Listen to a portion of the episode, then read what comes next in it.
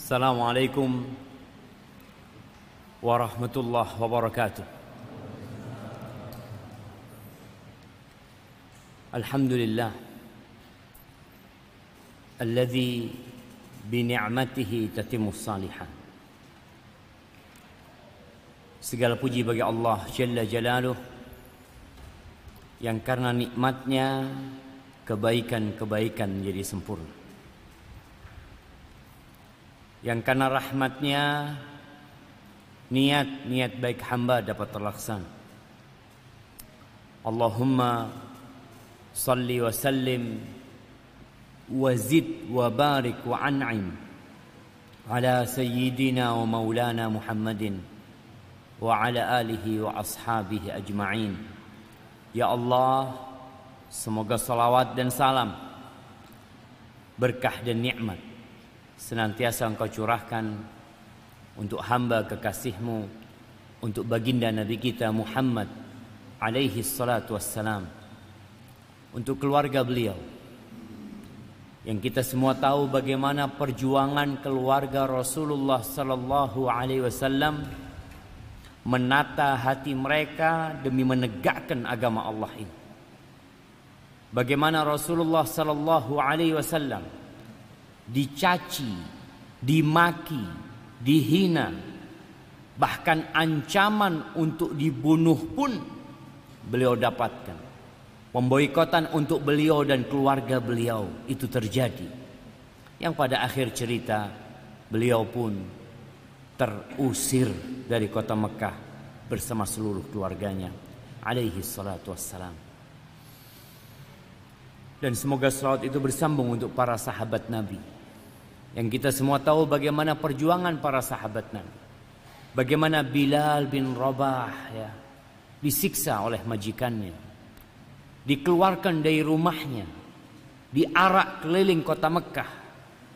Dijemur di bawah mentari yang terik, diletakkan di dadanya batu yang panas, tapi itu tidak membuat Bilal kemudian mundur dari menegakkan agama Allah ini.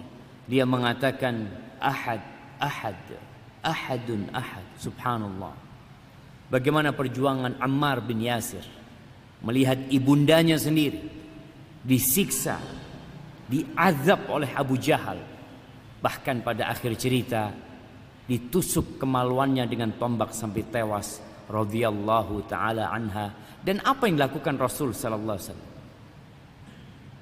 Beliau hanya menebar optimisme di diri mereka dengan mengatakan sabran sabran ala Yasir Bersabarlah kalian wahai keluarga Yasir fa inna mau'idakumul jannah tempat yang dijanjikan kalian atau untuk kalian adalah surga Allah Jalla Jalaluh.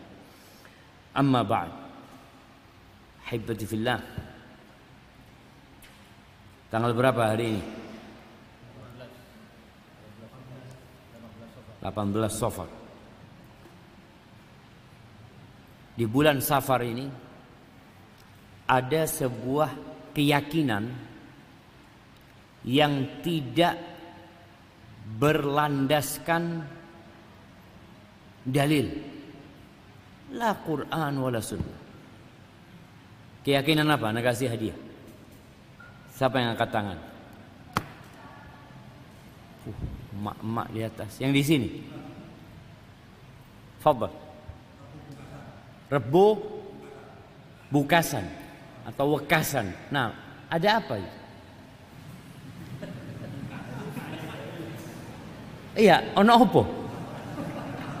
Katanya banyak balak, masya Allah. Insya Allah nggak ada balak, nak kasih hadiah buat antum, masya Allah. Nah, ada keyakinan di hari Rebu terakhir bulan Safar itu, di situ diturunkan balak, malapetaka, sehingga ada tradisi tolak balak. Rasulullah Sallallahu Alaihi Wasallam menyatakan, la Safar, nggak ada. Keyakinan bulan Safar itu bulannya balak, bulannya petaka, bulan sial. Kalau mau buka usaha jangan di bulan Safar, kalau mau kawin jangan di bulan Safar, kalau mau melakukan bisnis atau apa jangan di bulan Safar. Itu adalah keyakinan-keyakinan yang tidak berlandaskan. Bahkan Nabi SAW mengatakan la Safar, nggak ada. Keyakinan dengan kesialan bulan Safar itu nggak ada dan semoga di bulan Safar ini dan di bulan-bulan lainnya Allah senantiasa menjaga kita dari segala balak dan musibah dan menurunkan rahmat dan berkahnya untuk kita semua. Allahumma inna nas'aluka ilman nafi'an wa rizqan tayyiban wa amalan mutaqabbal. Hibbati fillah. Apa tema kita hari ini? Antum?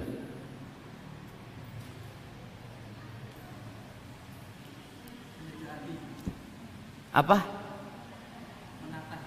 Menata hati. Apa hati ini antum? Hah? Lagi galau antum. Masya Allah. Anak kasih coklat biar nggak galau antum. Masya Allah. Fadal. Barakallahu fikum. Pada kajian sebelumnya katanya ada yang belum dapat hadiah jemaah.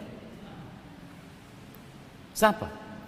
Yang jawab pertanyaan tapi nggak dikasih hadiah sama panitia. Lupa panitianya. Ojo ngaku-ngaku. Karena dono sing angkat tangan ya terpaksa Ustaz. Tidak ada terpaksa. Tapi ala kulli hal. Menata hati. Kita lihat wajah yang hadir di sini sebagian wajahnya kayak kertas yang dilipat. Sumpah Sebagian penuh dengan senyum dan tawa. Sebagian datang dengan hati yang begitu terbuka. Tapi sebagian juga badannya di masjid, hatinya di luar masjid. Rasul sallallahu alaihi wasallam mengatakan, "Ala wa inna fil jasadi mudghah idza salahat salaha sairul jasad. Di dalam tubuh manusia ini ada satu organ. Kalau organ ini baik, semuanya jadi baik. Apa pun yang terjadi dengan dia. Tapi kalau rusak, rusak semua. Apa organ itu? Jantung. Hati kita. Kita perlu menata hati kita dalam bermuamalah dengan keluarga kita, dengan istri kita. Tidak sedikit istri sehingga sumpah. Ada perempuan-perempuan yang bikin hati suaminya itu tidak berbahagia. Tapi kalau suami pandai menata hati, sing elek jadi api, masya Allah. Kenapa? Karena dia melihat kepada kelebihannya, tidak melihat kepada kekurangannya. Rasulullah Sallallahu Alaihi Wasallam tatkala ditanya tentang khairun nisa, tentang wanita yang terbaik, apa kata Nabi SAW? Allati idza nadarta ilaiha sarratka. Yang kalau dilihat no hati. Masya Allah. Ada perempuan-perempuan yang suaminya pulang, ndak ngowo popo. Mafi fulus. Keluar keliling kerja, mungkin cari kerja, mungkin cari utangan, mungkin cari apa. Pulang sampai rumah oleh mas Alhamdulillah. Oleh kesel. Oleh tapi oleh oleh kesel. Kata istrinya tidak apa-apa. Tidak apa-apa. Pasti ada hikmahnya. Mungkin doanya kita kurang mas. Mungkin tawakal kita kurang mas. Mungkin dosa-dosa kita terlalu banyak mas. Subhanallah. Istri yang menyenangkan hati. Tapi tidak semua seperti itu. Bagaimana dengan orang tua kita? Ya. Kadangkala ada anak-anak yang tidak mendapatkan perhatian yang cukup dari orang tuanya.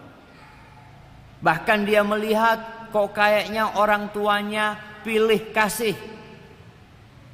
Kok kayaknya orang tuanya lebih seneng sama fulan. Kok aku sepertinya tidak dipedulikan bahkan keberadaannya seperti tidak ada. Bagaimana anak yang seperti ini?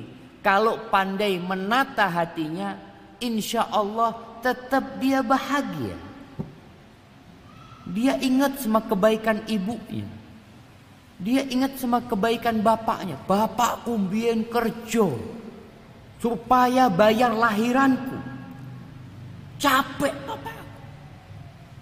Memang ibuku yang selalu ngasih makan aku. Tapi ayahku yang selalu berusaha bagaimana ada makanan di dalam rumah.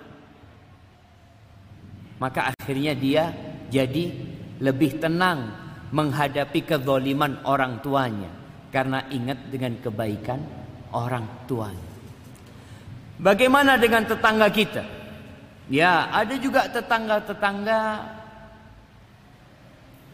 ya kayak buat galau.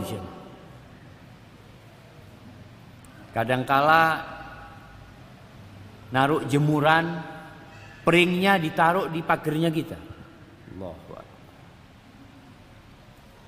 Pohon mangga, Masya Allah, mulai berbuah. Daunnya jatuh ke tempat kita, buahnya nggak pernah jatuh ke tempat kita. Diunduh dari dari pagernya aja, Masya Allah, mbok tonggoni di KI. Tapi kalau orang ini pandai menata hati, dia mengatakan insya Allah tiap hari aku bersihkan daun mangganya. Mudah-mudahan itu yang memasukkan aku ke surga Allah. Tidak tahu kita. Lewat jalan mana kita masuk surga. Ingat dengan pesan Nabi Sallallahu Alaihi Wasallam.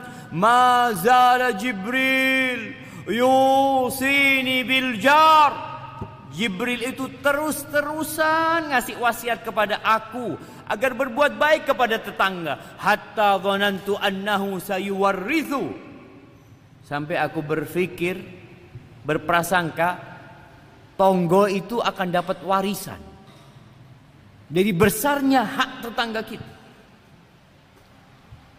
Bagaimana dengan kawan-kawan kita kawan-kawan mungkin teman sejawat kita Mungkin teman kerja kita. Mungkin partner bisnis kita.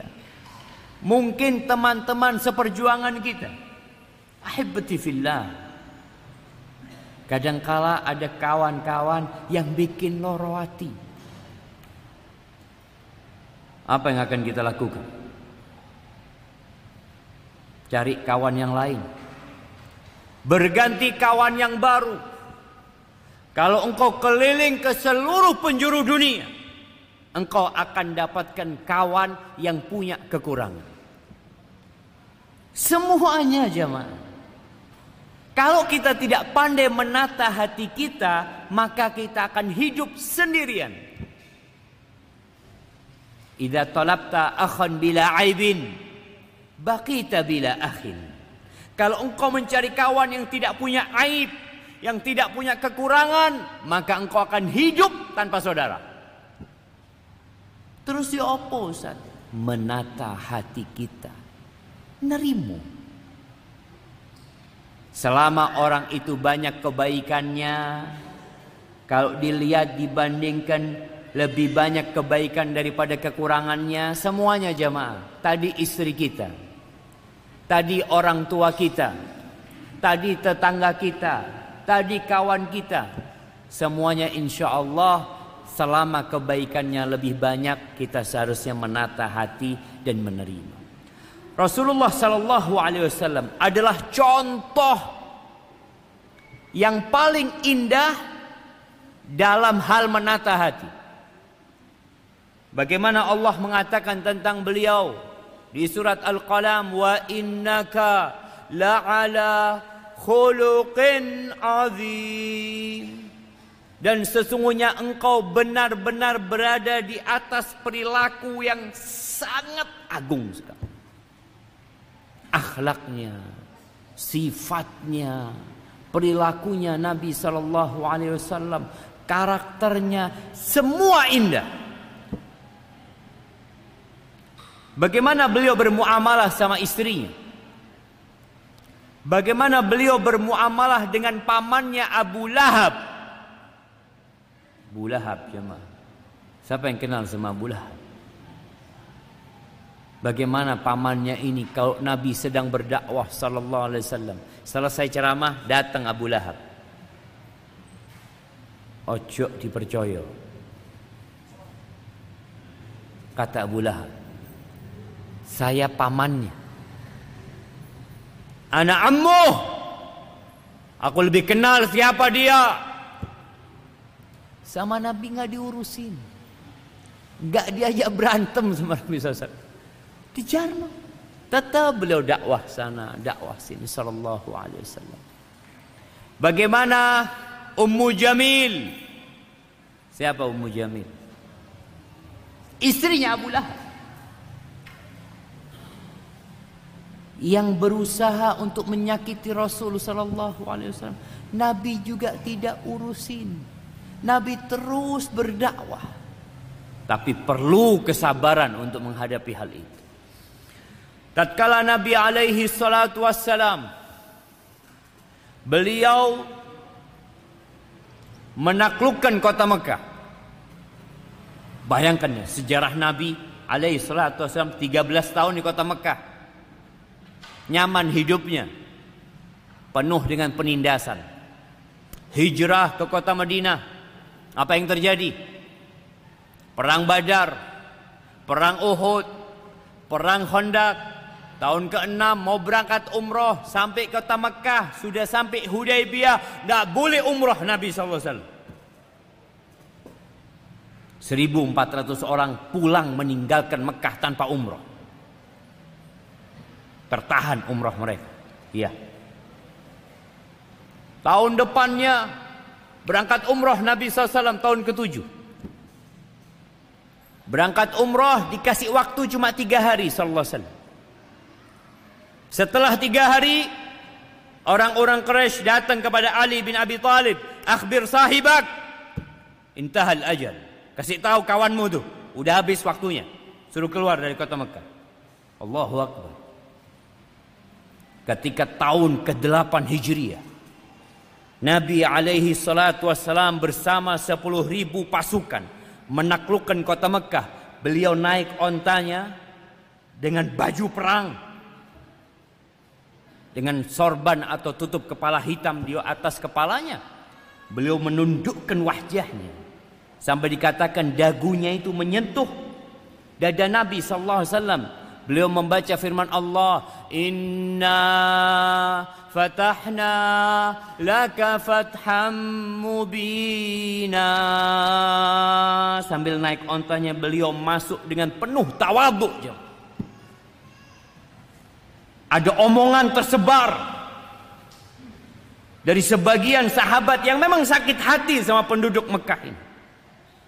Mereka mengatakan al-yawm yaumul malhamah Hari ini hari pembantaian.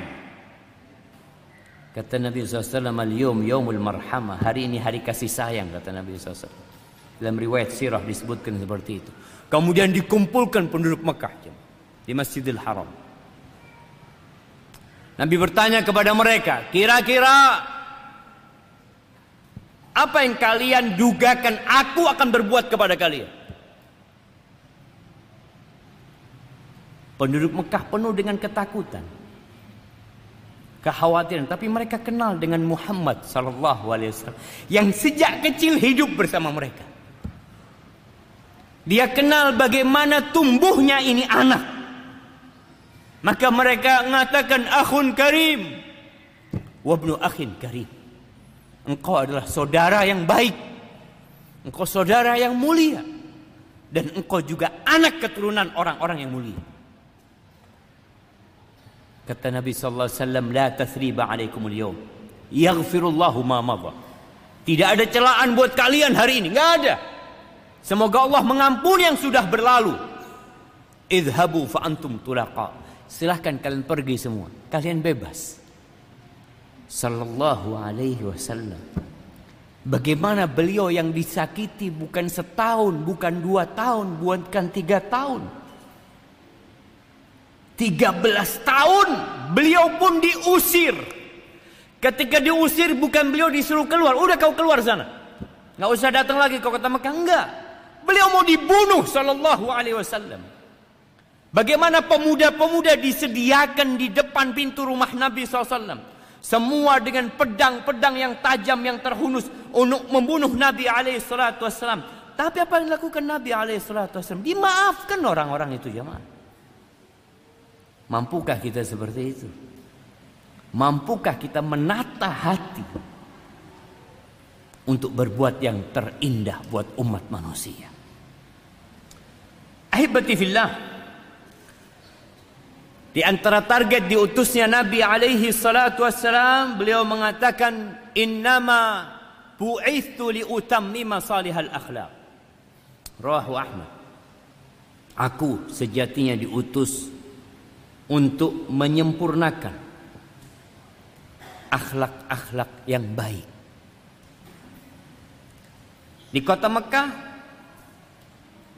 di masa jahiliyah tidak semua perilaku mereka buruk, enggak. Karakter mereka ada yang baik. Maka Nabi diutus alaihi salatu wassalam untuk memperbaiki yang salah, untuk menyempurnakan yang kurang alaihi salatu wassalam dan untuk menambahkan yang terindah untuk umat manusia. Ketika Nabi alaihi salatu wassalam membaiat para wanita. Para wanita dibaiat ketika masuk Islam. Di Mekah nih. Ketika penaklukan kota Mekah itu. Mereka dibaiat yang pertama an la yusyrikna billahi syai'a. Enggak boleh berbuat syirik. Wala yasrikna. Enggak boleh ber mencuri. Yang ketiga wala yaznina. Enggak boleh berzina. Baiat janji enggak boleh berzina. Apa kata istri Abu Sufyan? Hind binti Utbah. Awataznil hurrah. Apakah wanita merdeka ada yang berzina? Dalam bayangan dia, pezina dulu itu adalah budak-budak. Kok ini perempuan-perempuan merdeka dibaiat masuk Islam, salah satu syaratnya nggak boleh berzina. Dia heran. Ini orang yang hidup di masa jahiliyah. Karena dalam bayangan dia orang merdeka itu gimana dia menjual dirinya tapi ada. Namun masih ada nilai-nilai yang baik di masa jahiliyah. Dan itulah yang disempurnakan oleh Nabi alaihi salatu wassalam. Ahibati fillah. Dan akhlak adalah tanda kesempurnaan iman. Bagaimana kita mengetahui fulan itu imannya bagus? Tauhidnya top, Ya kelihatan Ustaz. Gimana kelihatannya? Datang waktu kajian Ustaz. Oh, belum tentu yang datang ke sini semua baik. Betul jamaah. Pernah kehilangan sandal Masjid Al-Madinah? Belum. Alhamdulillah. Soalnya yang dipakai elek-elek kabeh sandalnya jamaah. Nosing menarik gitu. Ana izin Bismillah. Alhamdulillah. Rasulullah sallallahu alaihi wasallam bersabda, "Akmalul mu'minina imanan ahsanuhum khuluqan." Orang beriman yang paling sempurna keimanannya. Siapa? Yang paling banyak hafalan Qur'annya. Yang paling banyak hafalan hadisnya. Yang kuliah sampai ke Madinah. Yang ambil doktor di Madinah. Nah. Terus siapa? Ahsanuhum khuluqan. Yang paling baik akhlak akhlaknya. Yang paling baik perilakunya. Itu loh yang menunjukkan keimanan. Jadi manusia itu memiliki wadah keimanan. Yaitu jantungnya. Tapi iman itu akan berpancar darinya menuju kepada raganya. Ngomongnya dia, cara bersikapnya Masya Allah. Makanya orang itu tidak dinilai dari tingginya. Apa yang paling tinggi paling baik atau si paling lemu berat-beratan badan. Jadi kalau mau ngelihat orang baik siapa itu ditimbang. Kayak gitu ya mah. Yang terjadi sekarang seperti itu. Kita lihat ada acara-acara untuk meli untuk mencari wanita terbaik sedunia. Anda tadi baru baca, baru baca tadi mau masuk sini. Katanya ada acara pemilihan Miss. Miss dunia itu apa? Miss Miss World. Miss World. Yang akan dilakukan di Israel. Tahun ini nggak tahu tahun apa tahun depan. Pertanyaannya, ukuran mereka itu apa? Ukurannya itu cuma luarnya aja mah. Bagaimana nih perempuan? Padahal standar orang yang terbaik itu nggak bisa ditimbang. Bukan yang paling putih paling baik. Ayo kalau sekarang yang paling baik yang paling putih di sini. Siapa sih menang? Ya sing paling putih sih. Tapi enggak. Ahsanuhum khuluqan. Yang paling baik perilakunya. Yang paling baik akhlak. Orang yang suka ngasih fulus, orang baik enggak? Ada dua orang nih masuk masjid. Yang satu naruh fulus di kota amal, yang satu tidak naruh fulus. Menurut antum yang baik yang mana? Yang mana jemaah? Yang naruh fulus? Belum tentu dia orang baik. Bisa jadi dia ria. Loh bisa jadi jemaah. Makanya kita bicara hati. Bisa jadi dia sedang punya masalah. Dia sodako supaya tambah luas rizkinya. Nanti rizkinya luas, tidak sodaka lagi dia.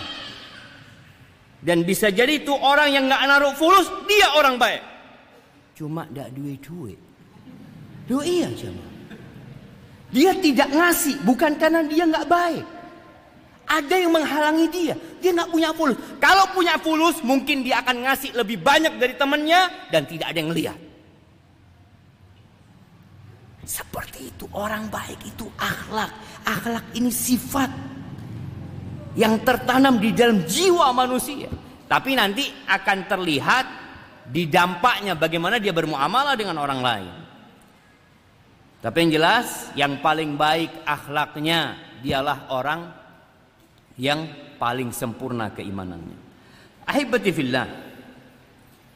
Rasulullah sallallahu alaihi wasallam di dalam hadis yang diriwayatkan Imam Tirmizi, beliau bersabda, "Ittaqillah haitsu kunt." Bertakwalah kepada Allah di mana pun engkau berada. Jangan cuma di masjid bertakwa. Jangan cuma di bulan Ramadan bertakwa. Tapi di mana pun dan kapan pun kita berada. Wa adbi sayyi'atal hasanatamhuha. Ikuti perbuatan buruk itu dengan perbuatan baik. Orang yang bertakwa itu bukan berarti nggak pernah berbuat dosa. Gitu. Tapi kalau terjebak dalam perbuatan dosa, ojo diterusno. Berhenti. Ganti dengan perbuatan baik. Kenapa? Tamhuha. Perbuatan baik itu akan menghapuskan kesalahannya itu. Lalu yang terakhir. Kalau tadi itu hablum minallah. Yang terakhir Nabi alaihi salatu wassalam mengatakan wa khaliqin nasa bi khuluqin hasan. Bergaulah dengan manusia dengan perilaku yang baik. Dengan akhlak yang mulia. Dengan budi pekerti yang luhur. Itu pesan Nabi alaihi salatu wassalam. Dan Nabi alaihi salatu wassalam juga mengatakan dalam hadis riwayat Imam Tirmizi, "Wa khiyarukum khiyarukum li nisaihim." Orang yang terbaik di antara kalian adalah yang paling baik sama istri-istrinya. Kenapa jamaah? Karena di luar rumah anak ketemu antum, antum duduk di sini, mungkin sejam, dua jam, mungkin tiga jam kalau mau duduk sampai isya. Kita itu bisa menjaga tabiat asli kita. Kita bisa. Masih ketawa-ketawa, ya, ahlan wa sahlan ini itu. Tapi liwis tutu oma, kari keseli. Orang kalau capek itu kelihatan tabiat asli. Makanya Umar bin Khattab radhiyallahu anhu ketika ada orang yang mau jadi saksi, Umar bertanya, "Man yuzaki?" Siapa yang merekomendasikan engkau pantas menjadi saksi? Siapa? Umar nggak kenal orang ini siapa. Satu orang mengatakan, "Ana." Ata'rifu engkau tahu sama dia? Kalau na'am, aku kenal sama dia. Oh, kenal sama dia. Engkau pernah melakukan perjalanan sama dia. Apalagi dulu perjalanan naik onta berhari-hari. Capek, kesel, kelihatan. Watak asli orang ini. Kata orang enggak, enggak pernah. Hmm. Hal amal tahu bi dirhamin au dirhamin. Apakah engkau pernah bermuamalah sama dia urusan fulus? Satu dirham, dua dirham ya. Kata orang enggak. Apa engkau bertetanggaan sama dia? Paling enggak engkau kelihatan dia keluar masuknya kayak apa orang ini. Kata enggak. Idan anta la ta'rifu. Kalau gitu engkau enggak kenal sama dia. La'allaka ra'aitahu yusalli fil masjid. Mungkin kau ngeliat sholat di masjid. Iya. Loh, kalau cuma ngelihat sekali sholat di masjid, lalu itu menjadi fonis orang itu orang baik, nggak bisa. Nabi alaihi salatu wasallam mengatakan khiyarukum khiyarukum linisaihin. Yang terbaik di antara kalian adalah yang paling baik sama bini. Kenapa? Ketika di rumah dia komandan. Dia bos. Dia orang nomor satu.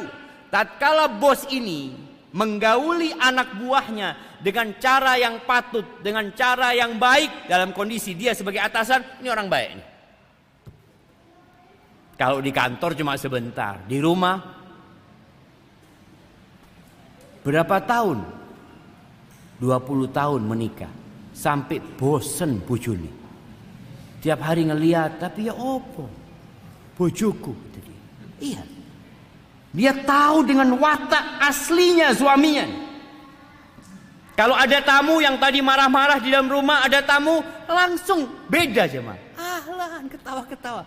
Kata istrinya, kok pinter main drama bujuku ya.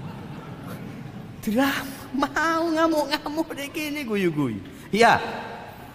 Makanya standar orang terbaik adalah yang paling baik sama istri karena di situ watak asli dia keluar. Ahibati billah. Rasulullah sallallahu alaihi wasallam dalam hadis Abu Hurairah ditanya an aktsari ma yudkhilun nas al jannah yang paling banyak memasukkan orang ke surga qala taqwallah wa husnul khuluq. Hablum minallah wa hablum minan nas. Bertakwa kepada Allah dan berakhlak yang mulia. Itu yang paling banyak memasukkan ke surga. Inna rajula kata Nabi SAW la yudriku bihusni khuluqi darajat as-saimil qaim. Sesungguhnya seseorang itu dapat mencapai derajatnya orang yang rajin sholat malam, yang rajin puasa sunnah dengan akhlak yang mulia. Orang ini sholat cuma lima waktu. Bas. Puasa cuma Ramadan. Di surga tahu-tahu bareng sama orang yang puasa Daud. Bareng sama orang yang sholat malam terus. Mungkin orang itu loh, kok iso awakmu? Padahal ini cuma sholat lima waktu wongi. Bihusni khuluqi. Kata Nabi SAW dengan akhlak mulia dia. Maka jangan pernah meremehkan orang. Ngelihat orang ini habis sholat pula. Tidak pernah qobliya wala ba'diya. Datang waktunya. Ah, komat. Ada kan orang-orang komat datang. Lalu perasaan kita seakan-akan kita lebih baik dari dia. Boleh jadi dia punya amalan tadi. Akhlak yang mulia. Yang melebihi atau menyamai paling tidak derajat orang yang rajin sholat sunnah, yang rajin puasa Ramadan. Dengan apa? Bihusnil khuluq. Ahibatifillah. Ada banyak prinsip dasar dalam bermuamalah. Ini dalam rangka menjaga dan menata hati kita. Kita perlu menata hati kita dan menjaga hati saudara kita. Bagaimana caranya? Bergaulah dengan mereka. Sebagaimana engkau ingin orang itu menggaulimu. Bersikaplah kepada mereka. Sebagaimana engkau ingin disikapi. Tinggalkan apa yang engkau tidak suka orang melakukan itu kepada dirimu. Hormatin orang kalau engkau ingin dihormati. Sayangin orang kalau engkau ingin disayangi. Jangan mencubit kalau tidak ingin dicubit. Jangan menyakiti kalau engkau tidak suka disakiti. Rasulullah sallallahu alaihi wasallam dalam hadis riwayat Muslim. Beliau bersabda faman ahabba an yuzahzaha 'anil nar wa yudkhalal jannah barang siapa yang ingin dijauhkan dari api neraka dan dimasukkan ke dalam surga. Caranya ya apa fal ta'tihi maniyatuhu wa huwa yu'minu billahi wal yaumil akhir. Syarat pertama adalah hendaklah dia mati dalam kondisi beriman kepada Allah dan hari akhir. Ini syarat utama. Kebanyakan orang lupa dengan syarat ini. Sehingga kita mendengar ada orang-orang yang berpandangan bahwasanya semua agama sama. Semua agama nyuruh kepada kebaikan. Ya. Tapi hanya satu agama Islam yang benar. Karena agama Islam inilah yang menyuruh berbuat baik kepada Allah Azza wa Jal dengan mentauhidkannya kemudian baru kepada umat manusia. Orang yang paling jahat siapa jemaah? Kata Allah Jalla Jalaluh Innal ladzina kafaru di surat Al-Bayyinah. Innal ladzina kafaru min ahli al-kitabi wal musyrikina fi nari jahannam khalidina fiha ulaika hum syarrul bariyah. Sesungguhnya orang-orang yang kafir dari kalangan ahlul kitab dan dari kalangan orang-orang musyrik mereka berada di neraka jahanam dan mereka adalah makhluk yang paling buruk seburuk-buruknya makhluk. Kenapa? Karena syarat pertama nggak punya. Yaitu iman kepada Allah dan kepada hari akhir. Kemudian yang kedua, di sinilah. Kalau kita bicara mengajak kepada kebaikan. Nah, Islam mengajak kepada kebaikan. Wal ya'ti ilan nas alladhi yuhibbu ayyu'ta ilaih. Hendaklah dia menggauli manusia sebagaimana dia ingin orang lain menggauli dia. Jadi posisikan dirimu sebagai dia. Siapa yang kepingin ditipu sama saudaranya? Angkat tangan. Nggak ono. Ada orang yang tertipu. Bukan ingin ditipu. Kalau orang itu ditipu satu kali wajar apa enggak? Wajar enggak jamaah? Wajar lah Ustaz baru bisnis, baru dagang. Anda masih ingat biasanya orang yang buka usaha jual HP itu, oh no, yang pernah ketipu. Ya sekali lah. Tapi kalau dia ditipu dua kali sama orang yang sama, sing salah sopo? Dia ditipu sama satu orang yang sama dua kali. Yang salah yang nipu tetap salah jamaah. Cuma orang ini ada masalah dia.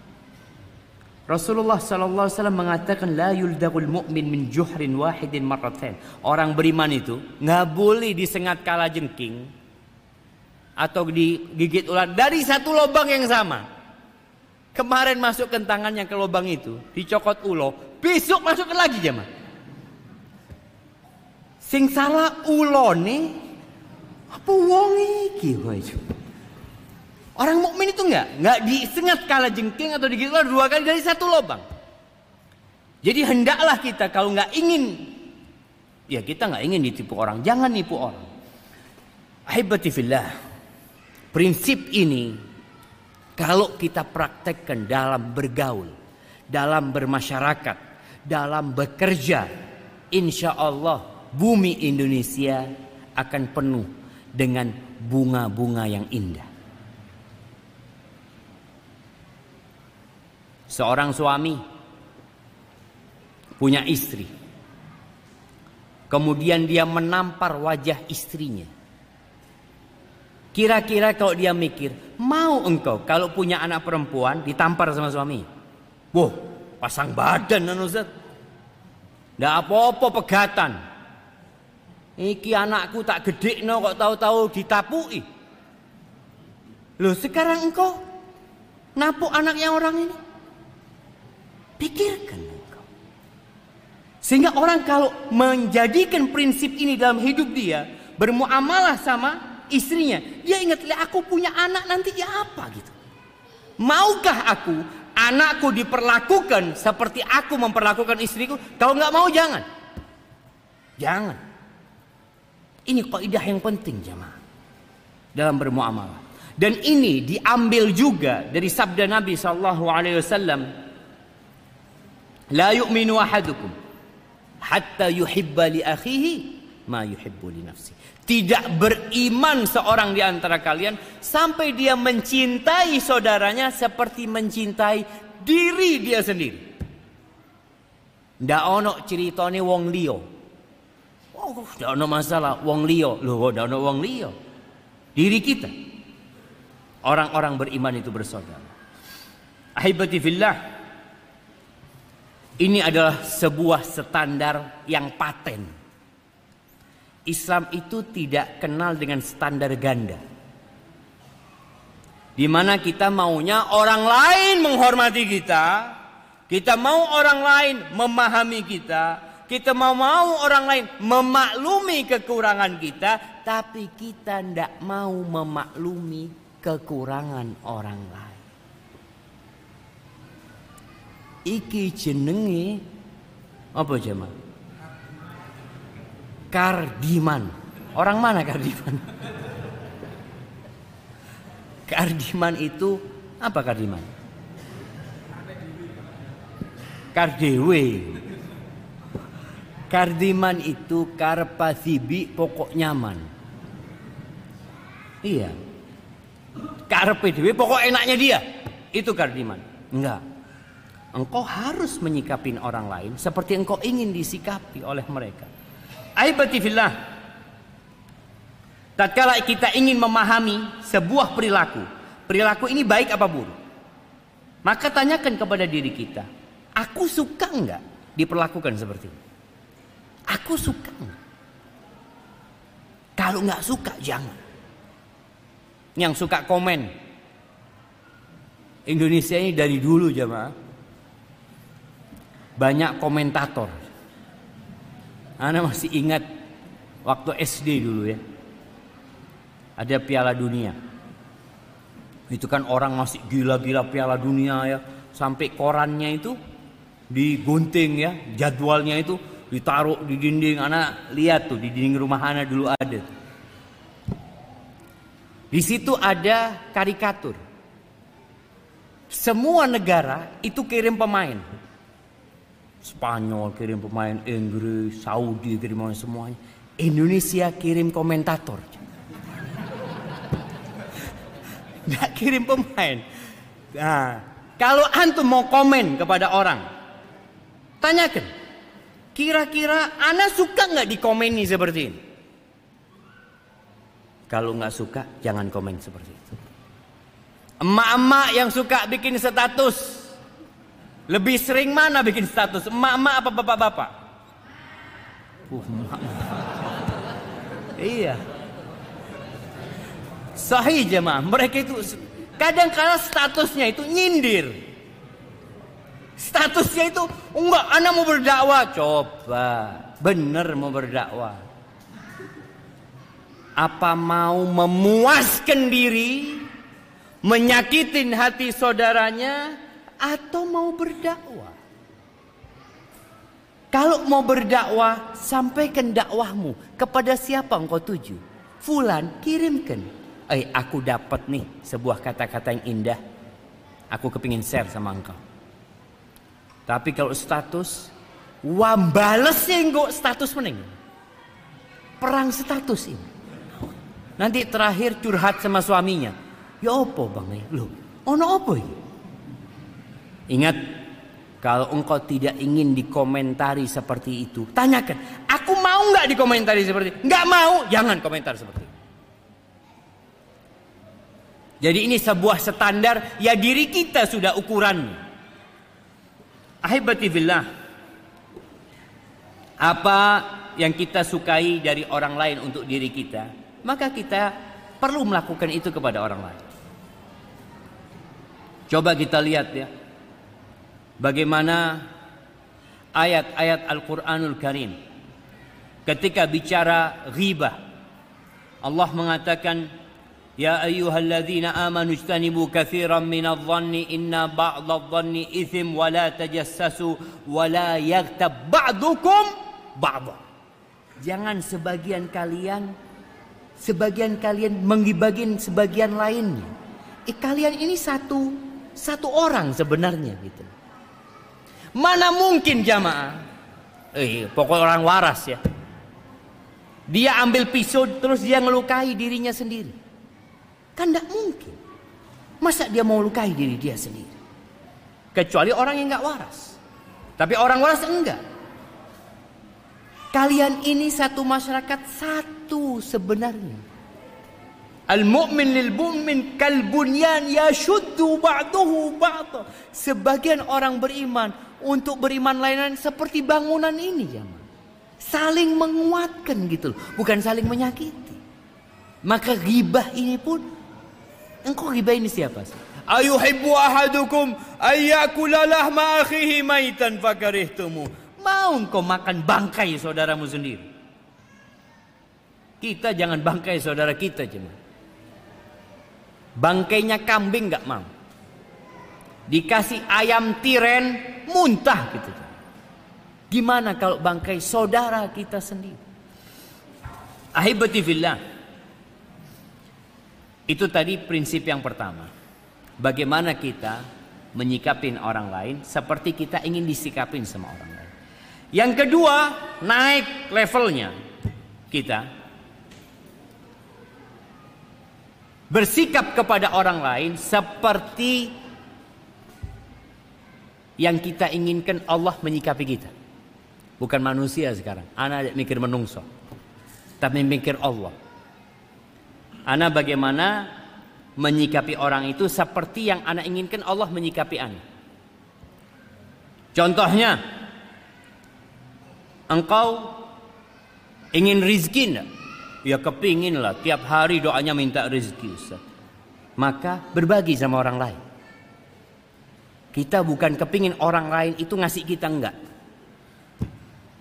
Kita tidak ingin orang lain itu mengucapkan jazaan wala syukuro. Nggak ingin dia balas budi kita. Wala ingin terima kasih. Terus kepingin apa? Anak kepingin Allah kasih rizkian. Apa kata Nabi sallallahu alaihi wasallam dalam hadis riwayat Imam Bukhari dan Muslim, "Anfiq ya ibn Adam." Hei, anaknya Adam, berinfaklah engkau. Unfiq alaik, aku akan berinfak kepadamu. Ini levelnya naik jemaah. Kita bukan berharap balasan dari manusia. Karena kalau kita berharap balas budi dari manusia sing ono loro ati duduk noto ati ana sudah bantu dia Ustaz. Wis cak tulungi. Loh terus lali be ana Ustaz. Ya itu manusia. Tapi Allah nggak pernah lupa sama kita. Maka naik levelmu. Berbuatlah sebagaimana engkau ingin Allah berbuat kepadamu.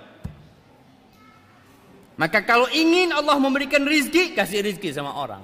Bagi rizki sama orang. Itu janji Allah Azza wa Jal. Engkau ingin disayangi sama Allah. Iyalah Ustaz, tiap hari doana Rabbi gfirli warhamni. Doana Ya Arhamar Rahimin. Irhamna ya Allah, ya Arhamar Rahimin. Engkau ingin dikasihi sama Allah, irham man fil ardi, yarhamukum man fis sama. Kata Nabi alaihi salatu wassalam dalam hadis riwayat Imam Tirmidzi, kasihi yang di bumi Allah, yang di langit akan mengasihi kalian. Jadi bukan ingin dikasihin sama orang lagi, ndak. Anda ndak ingin dihormatin orang, sudah usah, ndak ngurus wes. Wong itu mau hormati anak, ndak hormati anak, terserah. Yang penting Allah sayang sama anak. Ya, ini levelnya naik jemaah. Ingin urusannya dimudahkan, ojo ngerepoti wong. Ingin kita urusan lancar semuanya, jangan suka mempersulit orang lain. Kata Nabi alaihi salatu wassalam dalam hadis Waid ibnu Majah, "Man dar adarallahu bihi.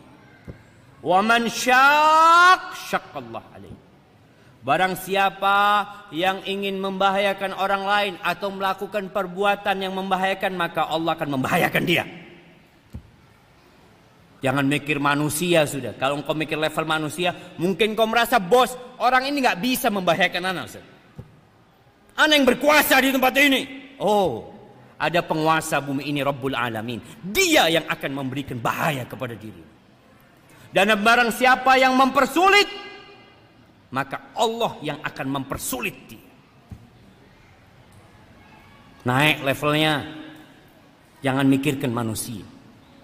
Jangan menanti pujian dari manusia. Jangan menunggu pandangan manusia. Terus siapa? Allah Jalla Jalaluh. Dia Rabbul Alamin. Kemudian kalau engkau ingin kesulitannya dihilangkan maka bantu orang lain kalau orang lain kesulitan. Dalam riwayat Muslim Nabi alaihi salatu wasallam mengatakan, "Wa man yassara ala mu'sirin." Ada sohibnya punya utang nggak bisa bayar. Nggak usah pakai debt collector. Nggak perlu. Nggak usah ditaki-taki. Kalau memang dia nggak mampu. Bukan nggak mau bayar loh jamaah. Ada beda. Ada orang nggak mampu, ada orang nggak mau. Kalau nggak mau boleh kita datang ke rumahnya. Kita paksa, kita panggil yang berwajib boleh. Tapi kalau dia nggak mampu, maka mudahkan urusan dia. Kata Nabi SAW, "Waman yassara ala mu'sirin." Yang memberikan kemudahan kepada orang yang kesulitan, yassarallahu alaihi fid dunya wal akhirah. Maka Allah akan memudahkan urusan dia di dunia dan di akhirat. Jadi berbuat baik kepada orang lain itu ikhlas, minta sama Allah. Karena kadang kala ada orang yang sedang jatuh ekonominya, terus kita bantu dia, kita mudahkan dia. Subhanallah, dunia berputar. Kita yang jatuh, dia yang bangkit. Eh, dia tidak nulungi kita. Jangan khawatir. Dulu antum membantu dia, bukan karena ingin balasan dari dia. Lah. Ada Allah Rabbul Alamin. Dan Allah janji akan memudahkan urusan dia di dunia dan di akhirat. Yang ingin aib dan kekurangannya ditutupi sama Allah. Tutupi aib saudaranya. Jangan bongkar kekurangan orang lain. Kata Nabi sallallahu alaihi wasallam, "Wa man satara musliman satarahullah fid dunya wal akhirah." Barang siapa yang menutupi kesalahan saudaranya, aib saudaranya, maka Allah akan menutupi kekurangan-kekurangan dia di dunia dan di akhirat. Tapi kalau kita suka mencari-cari kekurangan saudara kita, lalu kita menyebarkannya, apa kata Nabi sallallahu alaihi wasallam? Beliau pernah naik mimbar. Bukan mimbar ini jemaah. Mimbar yang ada di Masjid Nabawi. Nabi naik mimbar. Ini ceritanya Abdullah bin Umar bin Khattab. Lalu beliau menyeru dengan suara yang lantang dari atas mimbar. Atau apa kata Nabi SAW? Ya ma'syara man aslama bilisanihi. Walam yufdil iman ila qalbih. Wahai manusia-manusia yang lisannya masuk Islam tapi belum masuk iman ke dalam hati. Ada orang omongannya asyhadu an la ilaha illallah wa asyhadu anna Muhammad Rasulullah tapi iman belum masuk ke dalam hati. La tu'dzul muslimin wa la tu'ayyiruhum. Kalian jangan menyakiti orang-orang Islam, jangan mencela mereka. Wala tattabi'u auratihim. Jangan mencari-cari kekurangan dan kesalahan mereka. Jamaah, kita ini punya kekurangan semuanya. Kita semua punya kekurangan. Jangan mencari-cari kesalahan. Antum kalau mau cari kesalahan ana, saat tumpuk jam. Apalagi ustaz. Orang kalau banyak ngomong, banyak salah. Maka jangan dicari-cari kesalahan ustaz. Fa innahu man tatabba'a aurata akhihi muslim Sesungguhnya barang siapa yang mencari-cari, yang berburu kesalahan, kekurangan saudaranya muslim, tatabba Allahu auratahu. Maka Allah yang akan bertindak. Allah yang akan mencari kesalahan dia, kekurangan dia, aib dia. Wa man tatabba Allahu auratahu yafdahu walau fi jawfi rahli. Rahu Tirmidzi. Dan barang siapa yang Allah cari kesalahannya, maka Allah akan lecehkan dia walaupun dia berada di tengah-tengah rumahnya. Nggak ada orang tahu dengan dosa dia di dalam rumahnya. Tapi Allah akan bongkar. Gara-gara dia suka mencari-cari kesalahan saudaranya. Kalau engkau ingin dimaafkan oleh Allah Azza wa Jalla. Tiap hari habis sholat apa kata kita? Astagfirullah, astagfirullah, astagfirullah. Terus minta ampun sama Allah. Apalagi kalau baca doa Lailatul Qadar. Apa doanya? Allahumma innaka afuun tuhibbul afwa fa'fu anni. Ya Allah, sesungguhnya Engkau Maha Pemaaf. Engkau cinta dengan maaf. Maafkan aku ya Allah. Engkau ingin dimaafkan sama Allah Azza wa Jalla. Dosa-dosamu yang masa lalu. Yang orang kadang-kadang tanya, ya Allah Ustaz, anak banyak dosa Ustaz. Dosa apa yang tidak anak kerjakan? Engkau ingin dimaafkan sama Allah. Caranya, maafkan orang lain. Bukan karena ingin orang lain memaafkan kita, bukan. Naik levelnya kita. Kita ingin Allah memaafkan kita. Di surat An-Nur ayat 22. Ketika terjadi fitnah di kota Madinah. Fitnah ini yang disebut dengan hadithatul ifk. Fitnah apa? Hadithatul ifk. Mana kasih hadiah? Aisyah dituduh berzina, masya Allah. Fadlu. Nah, iya. Istri Nabi dituduh berzina. Sebenarnya mereka orang-orang munafikin ini bukan mau nyerang Aisyah, bukan. Mereka ingin membunuh karakter Nabi Muhammad sallallahu alaihi wasallam. Ini loh ranjangnya Nabi kayak gitu. Maka disebar berita Aisyah berzina, isu itu. Orang-orang munafikin pinter. Dia kalau ngomong nggak terus terang. Dia memberikan ucapan yang multi tafsir. Ada tiga sahabat Nabi, masya Allah. Orang-orang yang mulia yang terjebak ikut-ikutan. Ini menunjukkan bahwa orang baik kadangkala tersandung jemaah. Siapa tiga orang ini? Siapa yang tahu? Tiga orang yang ikut dalam fitnah Haji Dhul Ifri. Yang ini tiga orang ini dipecut jemaah. Dihukum 80 kali dipecut. Itu hukuman untuk orang yang menuduh orang lain berzina tanpa bukti. Siapa tiga sahabat ini? Sahabat-sahabat yang mulia. Hasan bin Thabit. Hamnah bintu Jahsh. Istrinya Mus'ab bin Umar. Iparnya Rasulullah SAW. Adiknya Zainab atau kakaknya Zainab. Yang ketiga Mistah bin Uthal. Mistah ini sepupunya Aisyah. Oh sepupunya Abu Bakar. Sepupunya Abu Bakar. Iya, Ibnu Khalah Abu Bakar. Anak bibinya Abu Bakar. Mistah ini ikut, padahal dia ikut perang Badar. Mistah termasuk muhajirin. Abu Bakar suka memberikan santunan kepada Mistah. Ketika Mistah dihukum, Allah turunkan ayat tentang pembebasan Aisyah dari tuduhan tersebut. Abu Bakar itu bersumpah jemaah. Dia bersumpah tidak mau membantu Mistah lagi. Selesai sudah. Tiada maaf buat Mistah. Bukan ngomong tiada maaf, tapi wallahi dia bersumpah tidak mau memaafkan Mistah. Gimana nggak sakit hati ya? Ini suka dibantu, suka ditolong, kok tahu-tahu menyakitkan hati.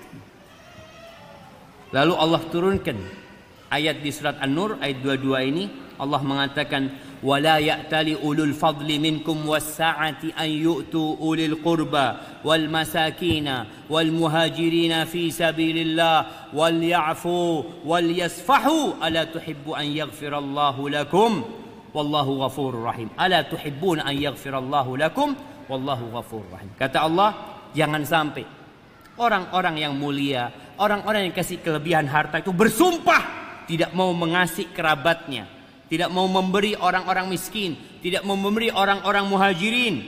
Hendaklah mereka memaafkan perintah dari siapa Allah. Hendaklah mereka memaafkan, melupakan kesalahan saudaranya. Ala tuhibbuna an lakum. Apa kalian gak ingin dimaafkan sama Allah Azza wa Abu Bakar dengar ayat ini langsung mengatakan bala. Siapa yang nggak ingin dimaafkan sama Allah Azza wa Jal? Siapa jemaah? Abu Bakar langsung membayar sumpahnya. Membayar kafar sumpahnya. Dia bersumpah baru tidak akan mencabut santunan dia buat Mistah selama-lamanya. Itu. Jadi kalau antum ingin dimaafkan sama Allah, maafkan orang lain. Barakallahu fikum. Masih banyak yang lainnya jamaah, tapi kaidahnya seperti itu. Antum ingin dibantu, ingin ditolong sama Allah, tolong orang lain tolong orang lain. Jadi hidup kita penuh dengan keindahan insyaallah. Hada ma aqulu lakum itu yang dapat anda sampaikan mungkin kita masuk ke sesi tanya jawab. Ana kembalikan ke moderator. Mana moderatornya? Kok telat moderatornya gitu jemaah? Iya dimaafkan moderatornya jemaah.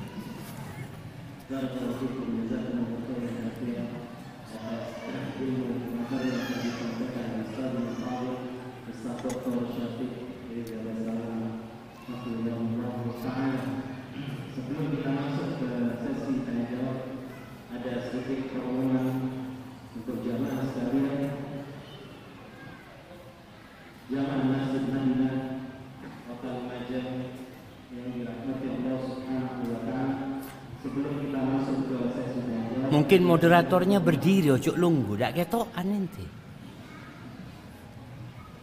Ah, baru kelihatan. Nah.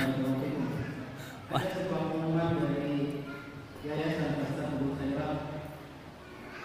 Bapak Said Ali Bersama di sini merupakan donasi untuk Masjid Madinah Lumajang open donasi karpet Masjid Madinah yang insya Allah pahalanya akan mengalir sampai kita ke dalam yang lain insya Allah kata Rasulullah SAW kita akan bisa yang amalu dengan halal sadaqah jariyah ilmu yutaqawbi Allah salih jadi mudah-mudahan donasi karpet ini insya Allah akan menjadi salah satu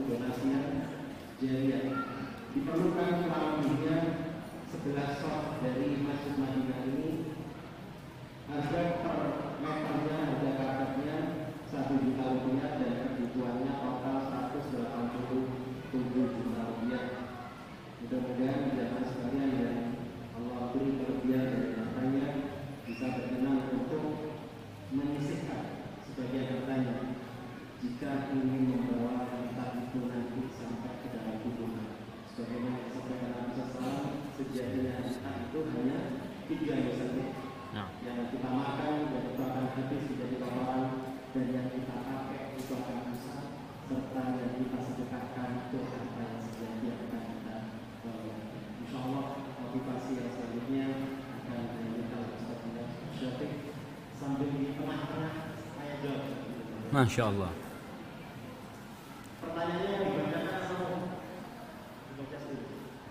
Dibacakan tidak apa-apa, tapi cok sing sulit-sulit ya. Nah, baik, ya jamaah. Anak sebenarnya kurang suka sama karpet. Anak kurang suka. Tadi anak tanya, kenapa harus pakai karpet? Hah? Iya, katanya tadi anak-anak dengar tujuannya supaya ya antum sholat enak.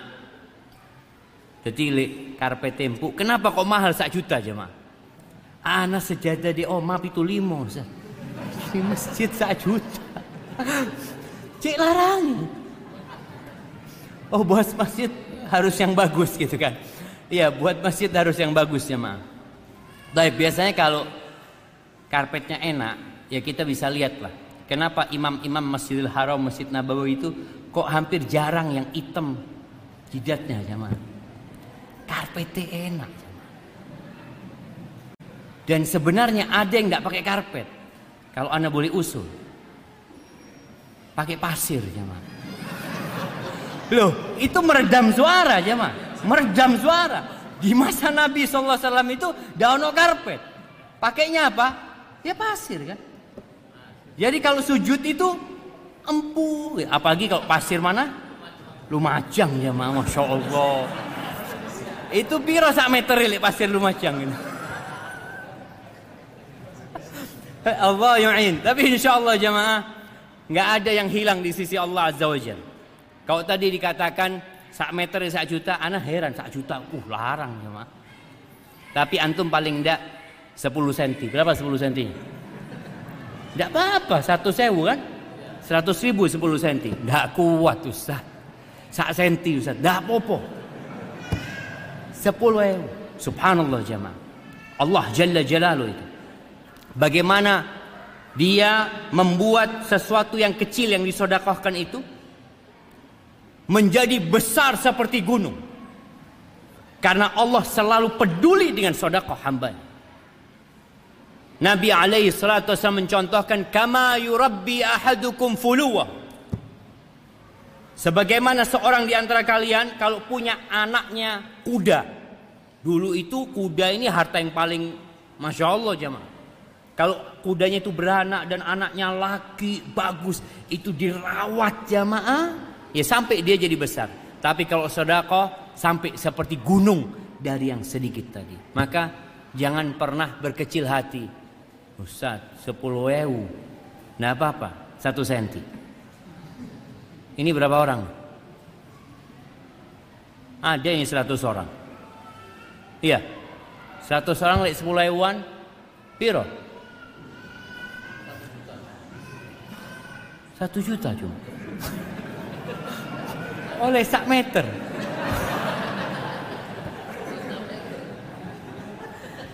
Khair insyaallah. Tidak apa-apa, paling tidak belakangnya imam dulu yang pakai pakai apa?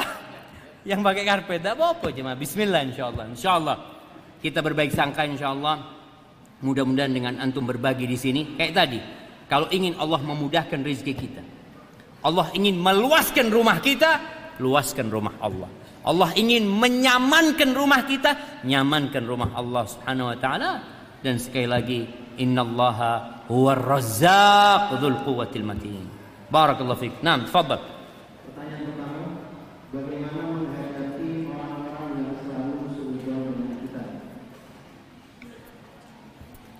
Ya sabar.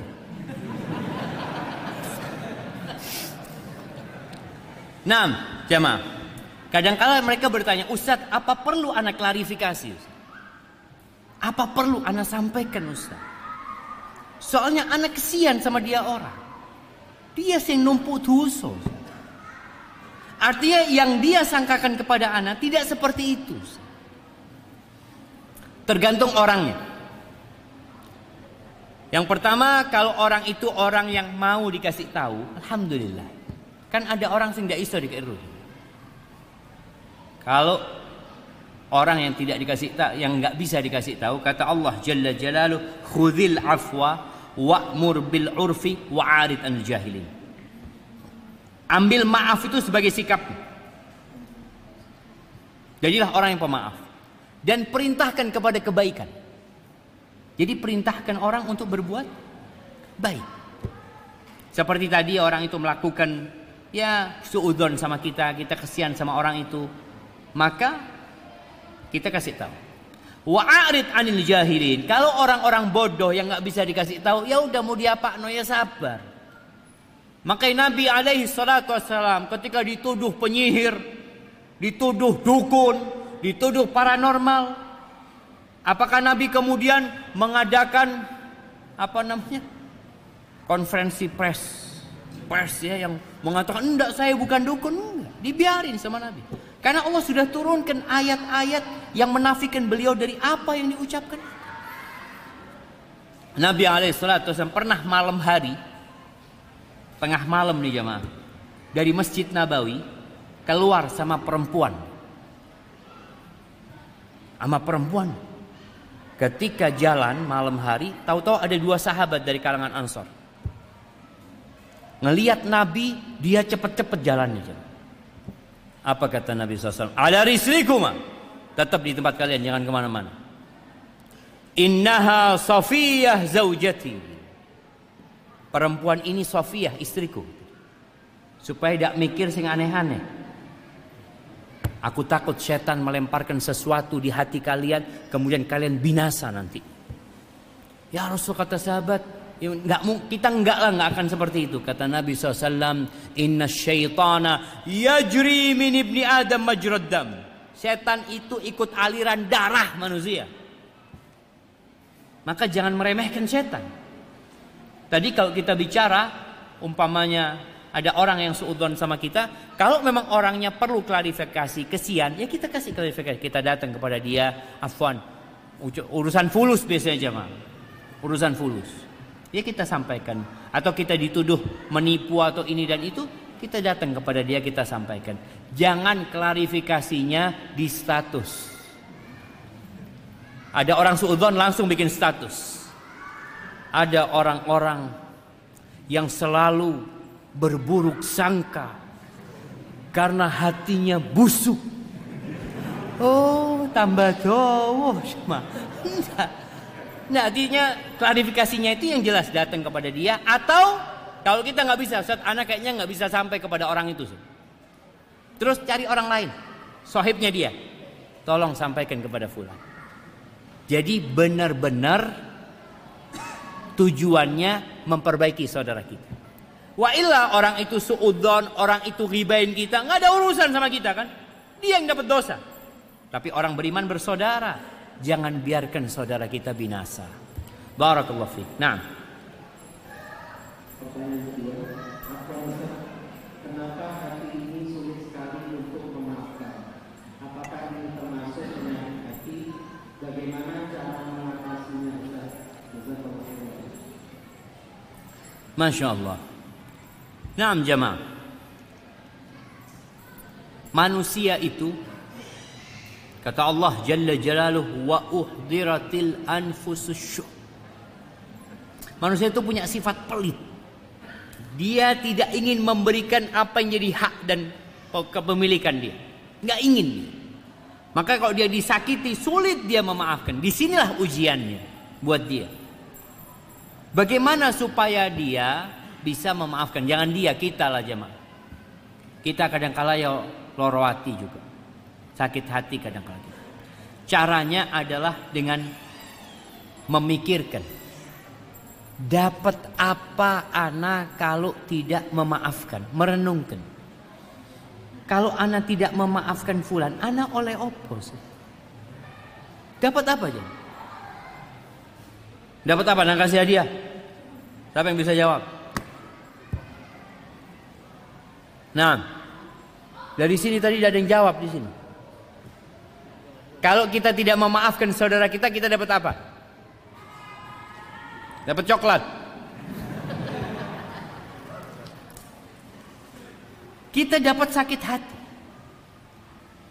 Mungkin kita punya hak nanti menuntut dia hari kiamat, ya. Bas itu. Tapi engkau hidup bawa sakit hati sampai mati. Engkau bisa menuntut dia enggak Ustaz? Ana mau nuntut dia pada hari kiamat. Ada orang-orang yang pantas untuk tidak dimaafkan. Iya. Orang-orang yang tidak. Seperti kejadian di kota Mekah pun ada orang-orang yang Nabi SAW nyuruh bunuh orang itu. Karena sudah terlalu nggak benar. Penyakit orang ini. Kalau hidup orang ini jadi penyakit. Maka tidak perlu kita maafkan. Tapi kita nggak usah mikirin orang itu. Wis maris. Urusannya yaumul qiyamah. Tapi ada orang yang enggak, orang itu sebenarnya orang baik, sohib Ustaz, sohib. Bas. Ya memang yang banyak bikin sakit hati ini sohib cuma. Kalau orang tidak kenal mau bikin sakit hati ya apa? Lo nggak kenal banyak sama orang itu. Orang-orang dekat kita. Pikirkan antum, antum dapat apa? Yang ada sesek hati ini. Kalau ketemu sama dia muncul kebencian itu. Bahkan pikiran-pikiran buruk. Sedangkan kalau antum memaafkan, hati antum akan lapang. Ketemu sama dia, Assalamualaikum. Ahlan wa sahlan. Masya Allah. Yang kedua, pikirkan. Kalau antum memaafkan selain hati antum lapang, antum dapat apa? Allah memaafkan antum. Bahkan bukan cuma dapat maaf Allah, diangkat derajatnya sama Allah. Wa ma zadallahu 'abdan bi afwin illa izza. Orang yang suka memaafkan itu ditambah sama Allah kehormatan. Yang minta maaf juga ditambah kehormatannya. Yang punya salah datang minta maaf. Yang disakitin maafkan dia. Tapi kalau minta maaf jangan langsung. Ya kalau bisa langsung ahlan wa sahlan. Tapi kalau orang itu masih loro hati, tunggu tiga hari. Karena Nabi alaihi memperbolehkan orang tidak bertegur sapa berapa hari? Tiga hari. Kalau us tiga hari masih nyimpen dendam, ya berarti orang ini sakit. Tapi kalau sudah tiga hari kita datang, insya Allah sudah dingin ya, sudah adem dan semoga dia mau memaafkan. Hada, wallahu a'lam Nah. Apa bisa anak adalah seorang yang baru ajar? Pertanyaannya, bagaimana saya harus bersikap kepada keluarga atau kepada orang tua meskipun kita sudah melakukan yang terbaik, tetapi selalu dianggap salah dan itu alias sesat. Padahal ridho beliau sangatlah tinggi. Barakallahu. Naam, jamaah rahimakumullah. Rasulullah sallallahu alaihi wasallam bagaimana sayangnya sama pamannya. Bagaimana sayangnya beliau sama kaumnya. Allah akhirnya menghibur Nabi alaihi salatu wassalam yang beliau ingin semua orang jadi orang Islam. Beliau ingin semua manusia jadi orang baik. Apa kata Allah? Wa ma 'alaika illal balagh. Tugasmu hanya menyampaikan. Ustaz, tapi orang tua anak nggak ridho sama anak. Anak dianggap aliran sesat. Iya. Manusia itu secara naluri akan memusuhi sesuatu yang tidak dia kenali. Wajar. Selama hidup nggak pernah lihat orang pakai jenggot. Nggak pernah ngelihat orang tuanya pakai jenggot, wala tetangganya pakai jenggot, wala ustadznya pakai jenggot, wala tetangganya pakai jenggot. Tahu-tahu anaknya pakai jenggot. Aduh. Teroris wis. Belajar di endi kon Madinah. Madinah ndi? Madinah Lumajang, itu Madinah. Masjid Madinah. Astagfirullah nak, tobat nak, tobat. Disuruh tobat, bayangkan sama. Ibunya suruh tobat. Karena dia nggak tahu jemaah, itu wajar. Bagaimana bencinya bapaknya Nabi Ibrahim sama Ibrahim. Bahkan bapaknya nggak ridho sama. Tapi sikap anak adalah terus berbuat baik. Lihat Nabi Ibrahim, Allah Akbar. Nah, kalau baca lagi, baca lagi kisah Nabi Ibrahim itu ya Allah ya. Apa beliau panggil bapaknya? Ya kafir. Eh, kafir, sini. Enggak jamaah. Ya abati inni qad ja'ani minal ilm. Wahai ayahandaku, Pak, aku anakmu, Pak. Ayahku, aku anakmu. Ketika dia panggil bapak supaya bapaknya tahu ini anaknya bukan orang lain gitu Telah datang kepadaku sebuah ilmu yang nggak datang kepadamu ya ayah. Masya Allah dipanggil ya abati ya. Padahal sudah ngeyel bapaknya. Maka seorang anak tetap berbuat baik. Ketika bapaknya marah-marah. Ngusir Nabi Ibrahim. Bahkan mencela, bahkan ingin merajam Nabi Ibrahim. Apa kata Nabi Ibrahim? سلام عليك سأستغفر لك ربي إنه كان بي حفيا Semoga keselamatan sama engkau pak Ayahku semoga dikasih keselamatan kau ya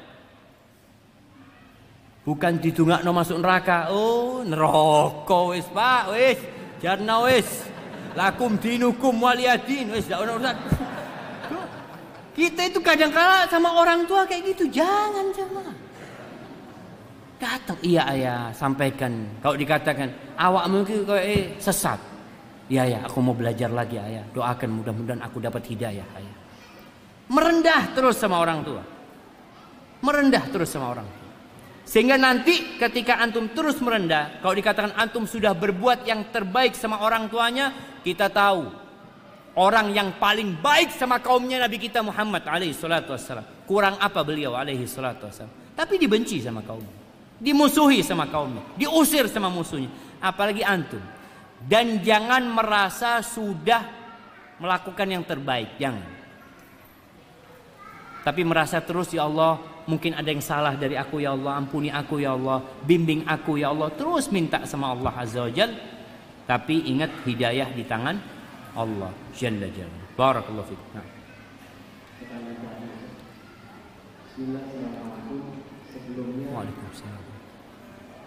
Apa seorang yang memiliki dosa baik kecil maupun besar, kemudian dia mendapat teguran perasaan takut atau dihantui rasa takut dengan kematian. Dari situ dia bertaubat dari dosa-dosanya karena ingin memperbaiki diri. Ketika setelah bertaubat dia beribadah, Artinya merasa hamba Apakah itu tanda taubatnya tidak diterima Masya Allah Naam Ahibati fillah Kita semua punya cerita dalam kehidupan ini. Cerita hijrah kita. Anak ingat bagaimana kita waktu di pondok. Semangat kita belajar. Setelah itu lulus pondok kok kayaknya mulai jenuh. Masuk ke Madinah. Tahun pertama semangat, tahun kedua semangat, tahun ketiga semangat. Mau tahun keempat mulai loyo Ternyata itu hal yang lumrah. Kata Nabi Shallallahu Alaihi Wasallam, semua amalan itu ada syirah, ada baranya ada percikan apinya, semangatnya. Tapi ada fatrah, ada futurnya. Itu wajar. Makanya para sahabat Nabi, bagaimana cerita Handolah ketika keluar dari rumahnya lalu dia mengatakan nafaqah Handolah, nafaqah Handolah, munafik Handolah ini. Sudah munafik Handolah ini. Abu Bakar lewat. Ya Handolah ngomong apa engkau? Ngomong kau munafik kata dia. Dia ngomong, ya Abu Bakar. Kita tuh kau lagi duduk sama Nabi SAW. Diceramai Nabi SAW. Ya Allah seakan-akan surga itu di depan kita. Kita jadi semangat neraka di depan kita. Semangat kita untuk menghindari neraka. Tapi kalau sudah pulang. Afasna al-ahl. Kumpul sama keluarga. Kumpul sama kerjaan. Lupa. Itu kita. Kata Abu Bakar, ya sama sama kita. Bukan cuma engkau yang kayak gitu.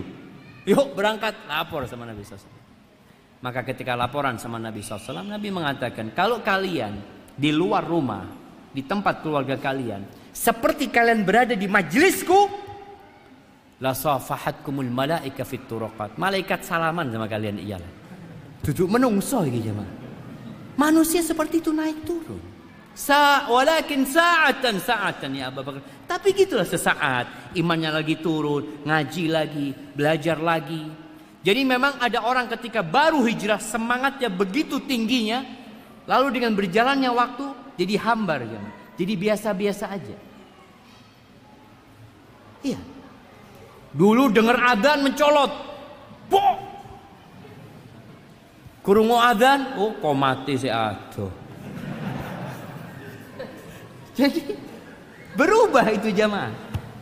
Nah, ya kita perlu belajar lagi menyemangati diri kita datang ke kuburan, ziarah kubur, ingat mati, ingat surga, ingat neraka. Hal itulah yang akan mengembalikan semangat itu. Nanti turun lagi, semangatin lagi kita. Doa jangan pernah berhenti. Kalau dikatakan apakah itu tanda tobatnya nggak diterima, bukan insya Allah. Itu tanda yang biasa sebenarnya. Perasaan tadi menjadi tidak semangat lagi, perasaan yang wajar selama tidak mengantarkan kepada yang haram. Jadi yang sunnah mulai hilang. Awal dulu qobliya ba'diyah. Qobliya subuh, Ba'diyah subuh. Kadang kala iya jamaah. Karena semangatnya ba'da subuh. Allah Akbar. Karena dia tahu dosanya akeh gitu jamaah. Karena kurangnya ilmu, ya dia sholat ba'diyah subuh. Tapi nanti semuanya hilang kecuali qobliyah subuh. Alhamdulillah Ustaz. Masih terjaga qobliyah subuh Ustaz. Qobliyah duhur hilang, qobliyah ba'diyah duhur hilang. Itu karena imannya lagi turun. Maka berdoa minta sama Allah. Terus ya mah.